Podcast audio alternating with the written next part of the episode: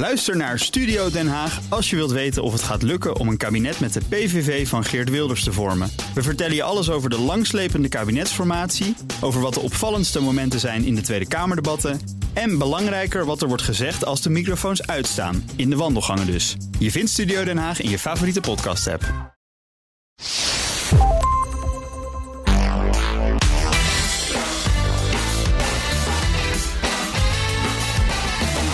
Welkom bij de Ben Tichelaar podcast. De podcast voor je persoonlijke en professionele ontwikkeling. Irritante, ondermijnende collega's.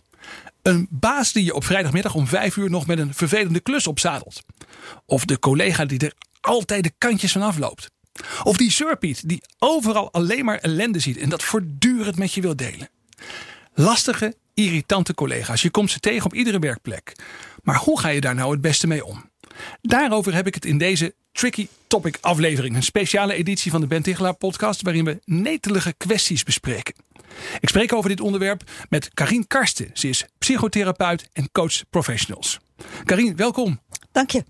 Zeg, om te beginnen met die uh, lastige mm. collega's, hè, daar hebben we dus vandaag over. Ja. Heb je daar zelf ervaring mee? In mijn meer dan 40 jaar werkcarrière heb ik daar zeker ervaring mee. En een van de laatste, en dat is toch nog maar een jaar geleden, okay. was dat. Ja, dat is iemand die heel erg intimiderend was toen ik bezig was een boek te schrijven. En uh, me echt bedreigde en bedreigde met uh, uh, processen. Dat en daar ben ik toen ongelooflijk angstig van geweest. En slecht geslapen en kort lontje en dat soort dingen. Ja. Zo bijzonder zeg. Dus ook, ook jou overkomt het. Terwijl je wel op dit gebied eigenlijk heel veel weet. Mm -hmm. ja. Ja. Ja. Ja. Je kon het wel meteen herkennen. Ik herkende meteen dat het angst opriep en dat ik me geïntimideerd voelde. Ja. En nou ja, ook met een collega het er even over gehad. Hè. Het is goed om het er ook even met een ander over te hebben. En ze raden een leuke oefening aan, die heb ik gedaan. En uh, nou ja, toen was het ook. Toen heb je ermee kunnen omgaan. Lachen. Oké, Ja. oké. Oh, dat Ja. is interessant. Ja. Nou, we gaan het zo over verschillende soorten types eh, lastige collega's Mhm. hebben. Maar ook over manieren om ermee om te gaan. Dus dan komen we misschien ook wel bij die technieken straks uit. Ja. Eh, eerst maar eens even over de verschillende soorten en maten. Er schijnen wat verschillende archetypes te worden onderscheiden op het gebied van vervelende collega's. Kun je daar wat over vertellen? Ja, je kunt dus een, uh, de psychiatrische klassificatie ervoor gebruiken. Ja. Nou, dat is minder gezellig en leuk, want dat is minder herkenbaar. Hè? Dan kom je uit op uh, narcisme of schizotypisch. Nou, oké, okay, ja, laat dat is ook maar wel een zitten. beetje lastig om dat van een collega meteen te Daarom. zeggen als je geen- gekwalificeerd psychiater Ja. bent, lijkt ja, me. ja, nou, narcist valt nog wel eens hoor. Maar goed. ja. Dus dat komt voor. Maar um, er is ook één typologie die gebaseerd is op vechten, vluchten en bevriezen. ja. En dat is een hele aardige. Daar zijn zeven types op En dan heb je vooral last vaak van de fight-types. De types die heel dominant zijn. Die uh, je vernederen, die manipuleren. Die bijvoorbeeld inderdaad ook heel negatief zijn. Uh, en die je, ja, die je gewoon ontkrachten. Oké, maar dat is wel grappig. Dus eigenlijk de respons die mensen hebben op lastige of ge- bedreigende Mhm. situaties. eh, daar komen dus ook zeg maar die irritante gedragingen dus vandaan blijkbaar van die eh, lastige types op het werk. Dat is dus een vecht- of een vluchtrespons. Een vecht- of een vluchtrespons. En een lastige collega kan ook een collega zijn die steeds duikt. Dus het hoeft niet altijd de vechtrespons te zijn. Maar Precies. ook een collega die nooit, nooit, nooit ja zegt, maar het nooit doet. Die is ook bloedirritant. Ja, ja. Ja. heel herkenbaar inderdaad. En ik zag, eh, je, had, je had geloof ik in de voorbespreking zei je iets over een boek van Jurk Berger. Is Jurk dat, Berger. Is ja. dat een, eh, Ja. degene die dan dit zeg maar op een rijtje heeft gezet? Is dat eh, de, de naam van de persoon die hiervoor verantwoordelijk is? Hoe ga je om met moeilijke collega's? Oké, goed. En daar, dat heb jij bestudeerd? Ja, nou, dat heb ik gelezen. Ja, oké. Ja. Ja, mooie indeling inderdaad. Leuk. Ja. Ik, ik begrijp het wel een beetje. Ja. Ja. Nou, laten we er eens een paar uitpikken. Pikken. Eh, wel, welk type is nu eigenlijk echt lastig? Of het lastigste misschien wel om mee om te gaan? Zouden we daar eens mee kunnen beginnen? Ja, maar ik denk dus wel dat dat voor iedereen verschillend is. Want dat hangt ook weer af van je eigen vecht, vlucht of bevriesrespons natuurlijk. Ja. Als ik door iemand die mij zou intimideren helemaal geen angstreactie had gehad, dan had ik misschien gewoon heel erg direct en gezegd van vlieg op en eh, je kan me wat en Ja. weet ik wat. Of Dus als ik had meteen vecht een advocaat terug, ja. ingehuurd en ik was bam bam bam. Ja. Maar goed, ik heb dus wat meer de angstreactie op dit soort zaken. Ja, ja. Dus het hangt ook van je eigen reactie af wie het moeilijkste vindt. Maar als ik voor mezelf spreek, vind ik degene die eh, heel erg dominant zijn, de moeilijkste. Ja, en dat zijn dus zeg maar de mensen die agressief of met agressie reageren op moeilijke en, situaties. Ja, en je geen ruimte geven en eisen en manipuleren en intimideren. Ja, ja. Of je grenzen ook heen gaan. En, dat, dat zijn, en heeft dat dan een specifieke naam of is dat een bepaald soort Ja, het wordt de persoon? Grensoverschrijders genoemd, of het wordt de dominante types genoemd. Dat zijn de vechttypes. Ja. En ook de negatieve personen, en die herken je ook al op de werkvloer, die alles afkraken. Oh ja, Dus je bent zelf net nieuwe leidinggevende bijvoorbeeld. En dan heb je zo'n medewerker die zegt van... ja, nee, dat hebben we al gedaan. Ja, nee, dat, eh, daar hebben die ervaring mee. Nee, gaat niet beginnen. Dus je eigen enthousiasme wordt op die manier ondermijnd... omdat iemand continu eigenlijk dat zegt waarom het niet kan. en dat is ook een vorm van agressie dus eigenlijk. Tuurlijk. Ja, ook een vechtrespons. Ja, Een ja. weerstandrespons. Ja. Oké, dus je hebt dus eh, die, die eh, hoe noem je het ook alweer? De dominante en de negatieve types, wraakzuchtige, De grensoverschrijders. grensoverschrijders. Ja, precies. Ja. En dan heb je aan de andere kant heb je de vermijders. Iemand die dus wel zegt dat hij het doet bijvoorbeeld en niks doet. Nou, Ja. die zijn ook heel herkenbaar. En je hebt de energieslurper en die zijn niet zo goed herkenbaar. Maar die heb je er wel bij. Die, dat zijn de mensen die continu aan je bureau staan en zeggen... Heb je even? Oh ja. En, waar gaat het dan over? Waarvoor- waarvoor? Die willen Ja. bevestiging. Die willen eigenlijk dat jij een beetje de lieve eh, vader bent. Ja. En zegt van, joh, ja, dat heb je goed gedaan. Schouderklopje. Ja. En dan ontspant iemand. Maar het is voor jezelf toch wel frustrerend als dat voor de zoveelste keer op een dag gebeurt. En je wilt gewoon opschieten. Ja, maar goed. In zijn algemeenheid, als je ze wilt eh, eh, determineren, zal ik maar zeggen, als een soort, soort kantoorbioloog, Ja. dan moet je dus kijken naar vormen van agressie of vormen inderdaad van vluchten. Vluchten. Ja. Of dus een beetje de energie slurpen. Dat is wel iemand die een beetje bevriest hoor, door de spanning. Oké, Ja, en door de angst het niet goed te doen. Ja. Oké, en die heeft dus inderdaad weer een duwtje in de rug nodig voordat hij op gang kan komen. En als dat te vaak op een dag gebeurt, dan is het ook heel irritant. Ja, dan moet je het zelf zien te kanaliseren. Dat is dan een eh, manier. Kom jij in jouw praktijk veel mensen Mhm. tegen die ook gebukt gaan onder dit soort gedrag van collega's? Helaas, helaas wel. Ja, Ja? ja, ja. ik zie veel mensen die eh, daar ook gewoon op kunnen flippen. En dat kan zijn een weekend. En dan is het een weekend niet goed slapen en ontregeld zijn. Ja. Maar als het heel lang duurt en als het ook gepaard gaat met geen bevestiging geven. Hè, je doet je uiterste best zelf en je krijgt eigenlijk niks terug. Je krijgt geen bevestiging, je krijgt geen erkenning. Je komt extra een keertje op eh, kantoor, omdat je denkt van nou anders loopt de boel in de soep. Ja. En het enige wat je te horen krijgt is ja, ik vind het toch wel heel vervelend dat je dat en dat fout hebt gedaan. Oh ja. Nou, en dat, eh, ja, dat kan iemand wel richting burn-out zelf sturen. Oké, en dat heb je meegemaakt. Daar heb je Ja, voorbeelden van in je praktijk. Ja, Ja, ja. Dus het grappige is, dus, want we denken bij burn-out heel vaak natuurlijk aan overbelasting. aan- Maar dit kan dus ook een vorm van overbelasting Mhm. oh, ja, opleveren. Absoluut. Ja, Ja. want dit is een. Kijk, wat ik net zei van vechten, vluchten of bevriezen, dat zijn we allemaal stressresponsen. Ja, En chronische stress, wat zie je dan als wat leidt tot burn-out? Dat is chronische stress. Ja. Nou, als iemand chronisch in angst is, ook voor zijn leidinggevende, dat heb ik ook graag gezien. En dat ook een heel duidelijk voorbeeld in de media. Iemand, hè, zo'n media tycoon die echt s'nachts kon bellen, die kon s ochtends vroeg bellen. Ja. En zijn directe ondergeschikte, die, ehm, die verging het van de angst op een gegeven moment, was niet meer creatief. En die is dus op die manier burn-out geraakt. ja. Maar als dus op een gegeven moment de druk op de werkvloer toeneemt, misschien ook wel juist in deze periode, daar komen we straks misschien nog wel even over te spreken, dan, dan nemen dus al die vecht- en vluchtresponses van die collega's Ja. onderling nemen toe. En dus dan kan het op een gegeven moment echt een hele grote irritante bende eigenlijk worden. Ja, Ja, en een overbelaste bende.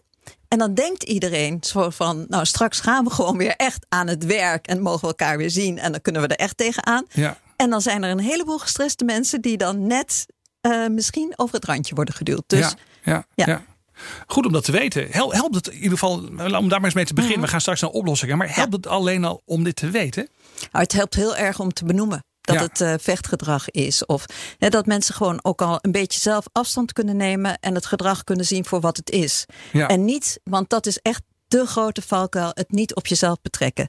Dat het niet is omdat jij slecht bent of omdat jij niet deugt of niet goed genoeg Ja. bent, dat het daarom gebeurt. Nee, laat het gedrag alsjeblieft bij de ander. Grappig, hè? want dat herkennen denk ik ook heel veel mensen. Ik zelf trouwens ook. Dat je als iemand je vreemd behandelt, dat je denkt, wat heb ik gedaan? Mm. Ja, tuurlijk, je schaamt je. Ja, Ja, ja, ja. ja. Dit is de Ben Tichelaar podcast en in deze Tricky Topic aflevering bespreken we netelige kwesties. Met deze keer lastige, irritante collega's. Hoe ga je daarmee om? Ik sprak net met onze gast Karin Karsten over de verschillende soorten irritante collega's en wat ervoor zorgt dat mensen zich irritant gedragen. En nu praten we verder over strategieën om met deze types om te gaan. Karin, is er een soort, ja, ik, zal ik zeggen, eh, ik, hoe zou ik dat noemen? Een, een soort algemene standaard aanpak van hoe je met vervelende personen op de werkvloer om kunt gaan? Is er één manier die vaak werkt? Nou, in ieder geval is er één manier die ik zelf vaak bij mensen toepas. En eh, dat is ook om eh, de afstand erin te bouwen. Aan wie doet het je denken? Aan welk dier doet die En leidinggevende welk je dier denken? doet het je denken? Ja. Oké, ja. ja. En dat kan mensen, dus ik heb ooit, eh, dat is echt zoveel jaar geleden, maar een psycholoog in behandeling gehad die heel erg leed onder haar leidinggevende. ja. En toen vroeg ik aan haar, aan welk dier doet dat die leidinggevende je denken? En het was onmiddellijk wisten het, schaap Betty. Nou, en schaap Betty, vanaf dat moment had ze de afstand ook te pakken en kon ze zich losmaken. En ze is eigenlijk binnen één of twee maanden is gewoon voor zichzelf begonnen. Maar daarvoor zat ze gewoon vast in nou ja, die interactie met die leidinggevende. En voelde ze zich daar slecht bij, waardoor ze zich natuurlijk niet kon ontwikkelen en voor zichzelf beginnen. Ja, ja. Het grappige is, je, maakt, je ridiculiseert eigenlijk een beetje die andere persoon in je hoofd met opzet. Nou, je maakt hem in ieder geval anders. Ja, Ja, je maakt hem anders. Nee, ik heb wel eens gehoord, bijvoorbeeld Ja. voor sprekers wordt er ook wel eens gezegd. Als je het lastig vindt. blootje zien. Ja, precies. Dan moet je de mensen in de zaal in een blootje voorstellen. Of, of, eh, of met allemaal Op de met een, op de wc of met een bad, badmuts op of dat soort dingen. klopt. Ja, dus je vervormt het beeld in je hoofd, maar niet in de zin dat je het bedreigende maakt. Je maakt het altijd, ja, moet je het zeggen, je haalt de angel er eigenlijk altijd uit. Nou ja, wat je doet is dus je eigen vecht, vlucht en bevriesrespons ehm, koud zetten. Dus Ja. die, daar neem je afstand van en dat moet je ook. Want als je die respons aan hebt staan, dan is je brein is gekaapt. Ja. Dus je moet jezelf comfortabel maken, rustig maken. Het kan je ook doen door bijvoorbeeld je voor te stellen... waar eh, is dat gevoel van wat je hebt? Ehm, wat voor vorm heeft dat gevoel? Oh ja. Je hebt die angst. Wat voor vorm heeft die angst? En wie kan je troosten? Nou, dat kan je ook helpen. Of Ja. eh, mijn- eh, bij een jong meisje net gedaan, 14 jaar. Ehm, ze stelt zich voor dat een ander de arm om haar heen legt. Nou, dat kan gewoon heel erg helpen om die fight-flight reactie, om die weg te halen. Maar je doet iets in je hoofd en je vervormt datgene wat zeg maar op je afkomt. Of je voegt daar bijvoorbeeld iets aan toe in je minder hoofd. bedreigend. Ja, en je Ja. haalt de dreiging daarmee weg. Ja. Heel interessant. Eh, je schreef in een column voor Intermediair Mhm. dat het ook belangrijk is om eh, begrip, om empathie op te brengen voor moeilijke collega's. Dat klinkt bijna tegenstrijdig, want die mensen die zitten je dwars natuurlijk. Nou, die halen het bloed soms onder je nagels vandaan. Precies. En het, zou, het helpt je echt niet bij iedereen. Maar ehm, het kan soms helpen om te denken van... oké, ehm, waarom zit deze man of vrouw nou in die vechtreactie? Zou het komen door zelf heel onzeker te zijn? Ja. Of zelf behoefte te hebben aan bevestiging? En dan kan het gewoon helpen om die ander een complimentje te geven. Om Ja. een beetje te vleien. Zo van, god, dat heb, eh, heb je toch wel heel goed gedaan. En dan stiekem, ook zelf manipulatief in te vlechten... wat je graag zou willen dat iemand wat meer zou doen. Ja. Je kunt het ook gewoon iemand anders... want ook, ik maak ook voorbeelden mee dat medewerkers... maar dan zijn ze wel gezamenlijk... gezamenlijk een leidinggevende feedback geven... van dat hij zich veel te bot gedraagt. Nou, en dan kan iemand ook voor zichzelf beslissen van... ik ga in coaching... En wat iemand dan leert in coaching bijvoorbeeld, van eh, ik heb begrip voor jou, die leert dan zelf wat empathie te geven. Ja. helpt, is een goed voorbeeld. Ja, nou ja, wat ik er wel interessant aan vind, op het moment dat je je realiseert dat een groot gedeelte ook van het gedrag van die ander voortkomt Ja. uit dezelfde stress en onzekerheid waar je als persoon ook Ja. mee te maken hebt, dan, dan wordt het ook misschien wat makkelijker om je, nou ja, eh, op deze, laten laten we zeggen, wat vriendelijker manier naar mensen op te stellen. Ja, en dat je ook ziet van dat iemand jou manipuleert om iets te krijgen wat je als kind niet kreeg. Ja, ja. Ja, dat iemand als kind bijvoorbeeld seksueel misbruikt is. Ik hoorde het laatste collega vertellen in zo'n grote zaal. En die manipuleert dan wel al zijn collega's in die zaal om sympathie te krijgen. Maar Ja. je ziet wel van, ja, dat jochie kreeg het ook niet. En nou, nou wil hij het van zijn collega's krijgen. Ja, misschien werkt het helend, maar Ja. Is, het, is het dan in jouw ervaring dit een extreem voorbeeld wat je nu geeft? Want ik denk meteen wel, hoe? Dat is eh, als je bij je collega's die irritant doen, meteen ook de gedachten zo hebben. Nou, die heeft iets verschrikkelijks meegemaakt, misschien wel in zijn jeugd. Nou, dat, dat, dat vind ik wel moeilijk, eerlijk gezegd. Ehm, het kan helpen. Het kan helpen door iemand voor te stellen dan als scholier bijvoorbeeld. Of als eh, dat iemand gewoon gepest is in zijn jeugd. Ja. Gewoon dat je voor te stellen van... Er kunnen tig redenen natuurlijk zijn waarom mensen doen zoals ze doen. Maar in het algemeen is iemand en wat we noemen niet veilig gehecht. Want als iemand het nodig heeft om de ander te vernederen... Ja. dan is hij toch op een of andere manier... heeft hij iets niet gekregen wat hij wel zou kunnen krijgen...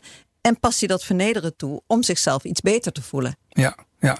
En we praten nu dan wel ook met, met name over mensen die het, nou, laten we zeggen, altijd doen. Hè? Want ik bedoel, als je een collega hebt die af en toe eens uit de bocht vliegt, dan is het waarschijnlijk, maar dat kan je dan ook volgens mij veel beter duiden. Dan denk je gewoon, dit is gewoon de stress die spreekt. Hè? Dat heb je soms ook met huisgenoten in een gezin, dat je denkt, nou, die staat even onder grote druk op dit moment. Maar in de regel valt zo iemand wel mee. Maar dit gaat over mensen die dit dan wel heel erg vaak waarschijnlijk doen. Ja, maar wat je nou zegt is ook meteen kan het ook een andere kant op werken. Ja. Want dat is dan een ehm, gedrag wat af en toe zich voordoet.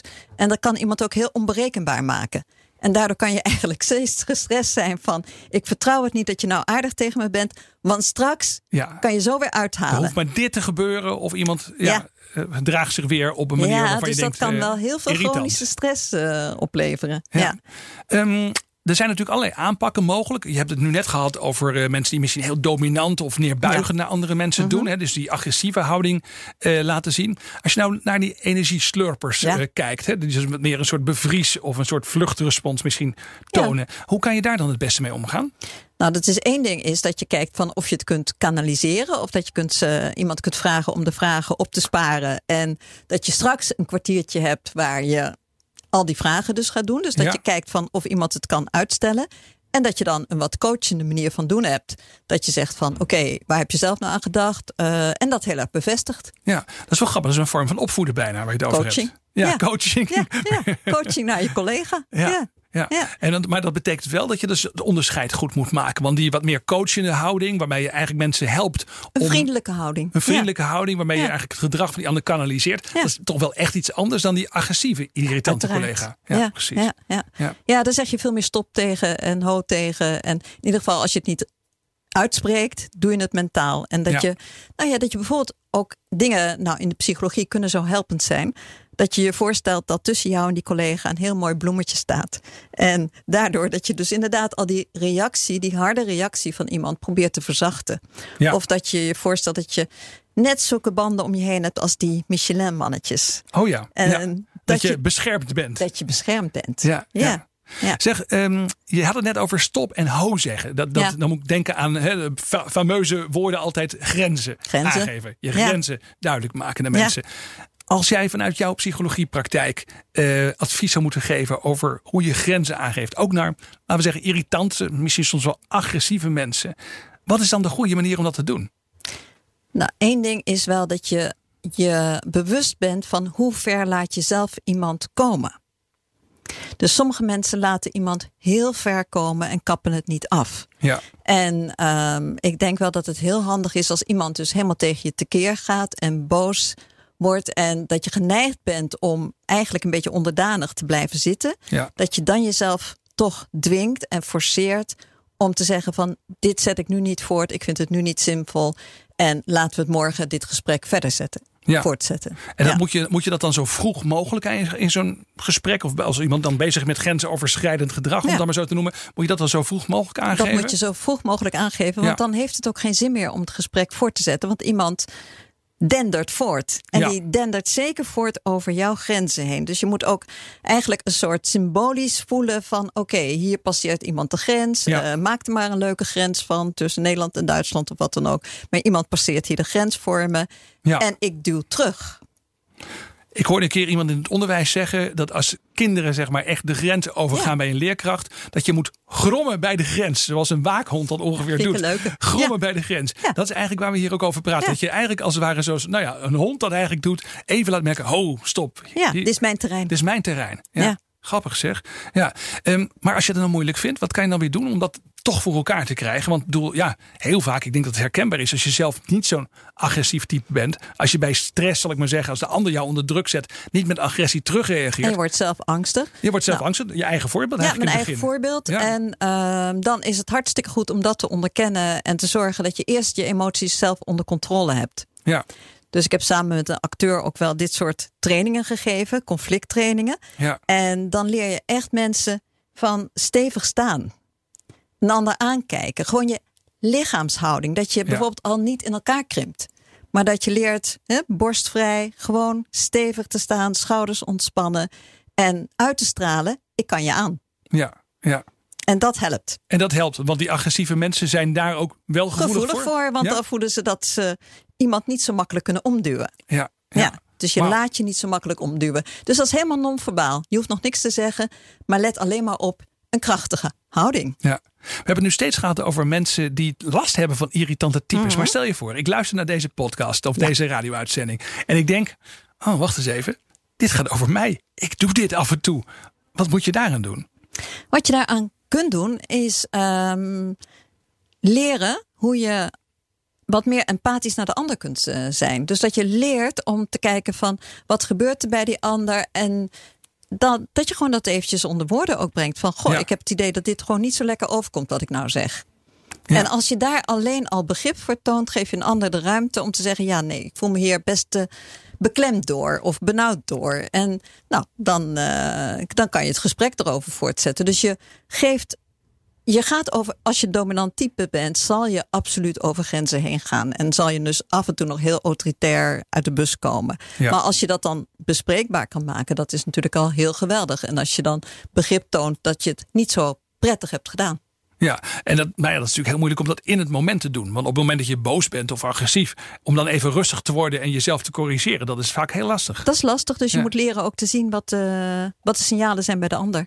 Ja, ja. Ja. En ook misschien vroeg al voelen aankomen bij jezelf dat je geneigd bent om nu een dat grens over te gaan. kun je natuurlijk wel voelen. Want Ja. als je die vechtrespons, die kun je in je lijf voelen hoor. Je kunt hem in je armen bedoel, voelen. Je kunt hem in je hart voelen. Je kunt hem echt, je gaat sneller ademhalen. En dat je dan even tegen jezelf zegt: Oké, nou ja, wat ik ook wel mensen dan. Want mensen komen soms ook zelfs in behandeling voor de driftbuien en de uitvallen die ze hebben in het werk. En wat je dan mensen leert, is het hele wat je als kind al leerde: even tot tien tellen. Ja. Even een rondje lopen. Even afkoelen. Even jezelf onder controle krijgen. Nou, en dat is best sterk als je jezelf onder controle krijgt. Want je wilt natuurlijk geen watje zijn. Dat, Ja. Daar moet je echt voor oppassen. Dat iemand niet denkt van nou ben ik degene die onder zit. Hè. Je wilt boven zitten. Nou oké, zit boven door jezelf onder controle te krijgen. Ja, dat is eigenlijk wel een hele sterke manier van naar te kijken. hè. Want agressieve of boze of dominante types die denken misschien van eh, wat nou, ik, hè, zo ben ik gewoon misschien. Maar Ze eigenlijk. moeten me maar nemen zoals ik ben. Ja, precies. Ze moeten, ja, precies. Ze moeten me maar nemen zoals ik ben. Maar eigenlijk, eigenlijk laat je gewoon op een wat kinderlijke manier je emoties maar gewoon de vrije loop. Ja. Het is veel volwassener natuurlijk om te doen wat jij net aangeeft. Dan ja. heb je jezelf onder controle. En wat zou je nog meer willen? Dus ja, ja, precies. Ik denk dat heel veel mensen dat graag zouden willen. Zeg, een afsluitende vraag. Hmm. Heb je nog een gouden tip voor mensen die luisteren en denken... ik word echt knettergek van mijn collega. Wat is nou een eerste stap? We hebben heel veel dingen besproken. maar Wat is nou de eerste stap? Waar zou je mee beginnen? is het echt zo erg? Oké. Is het echt zo erg? Ja, is het Want echt zo erg? overdrijven we dit vaak? stel, Stel dat lastige collega's niet zouden bestaan. Ja. Wat zou je dan doen? Ja, waarschijnlijk zijn we dan in het hiernamaals, denk ik dan. Nee, maar stel dat ze er helemaal niet zijn. Wat zou je doen? Ja. Dan zou je dus concentreren op de dingen die belangrijk voor je zijn. Concentreren op wat je zelf kunt doen. Ja. Hè, daar waar je invloed op hebt. Want je wordt natuurlijk hartstikke geraakt door dat negatieve gedrag van bijvoorbeeld die collega. Ja. Maar stel, stel, stel dat het geraakt zijn helemaal niet zou bestaan. En dat je gewoon er bent voor hè, wat je zelf wil doen in het leven. Nou, dat is autonomie. ja, precies. Ja. Eigenlijk ook een vorm van negeren. Het kan soms helpen dus. Ja. kan helemaal helpen, want je doet gewoon wat je zelf belangrijk vindt. En dat is zo belangrijk. Dankjewel Karin voor je inzicht en je tips. Heel mooi. Ja. Dit was de Ben Tichelaar podcast bij BNR met als gast deze keer Karin Karsten. Vind je deze podcast interessant en wil je één keer per maand de beste tips uit mijn gesprekken en columns ontvangen? Ga dan naar tichelaar.nl slash BNR en laat je mailadres even achter. Dank je voor het luisteren en tot snel.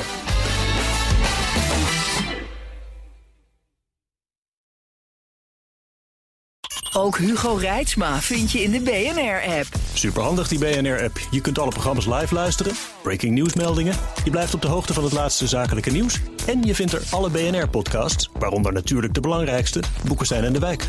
Download nu de gratis BNR-app en blijf scherp.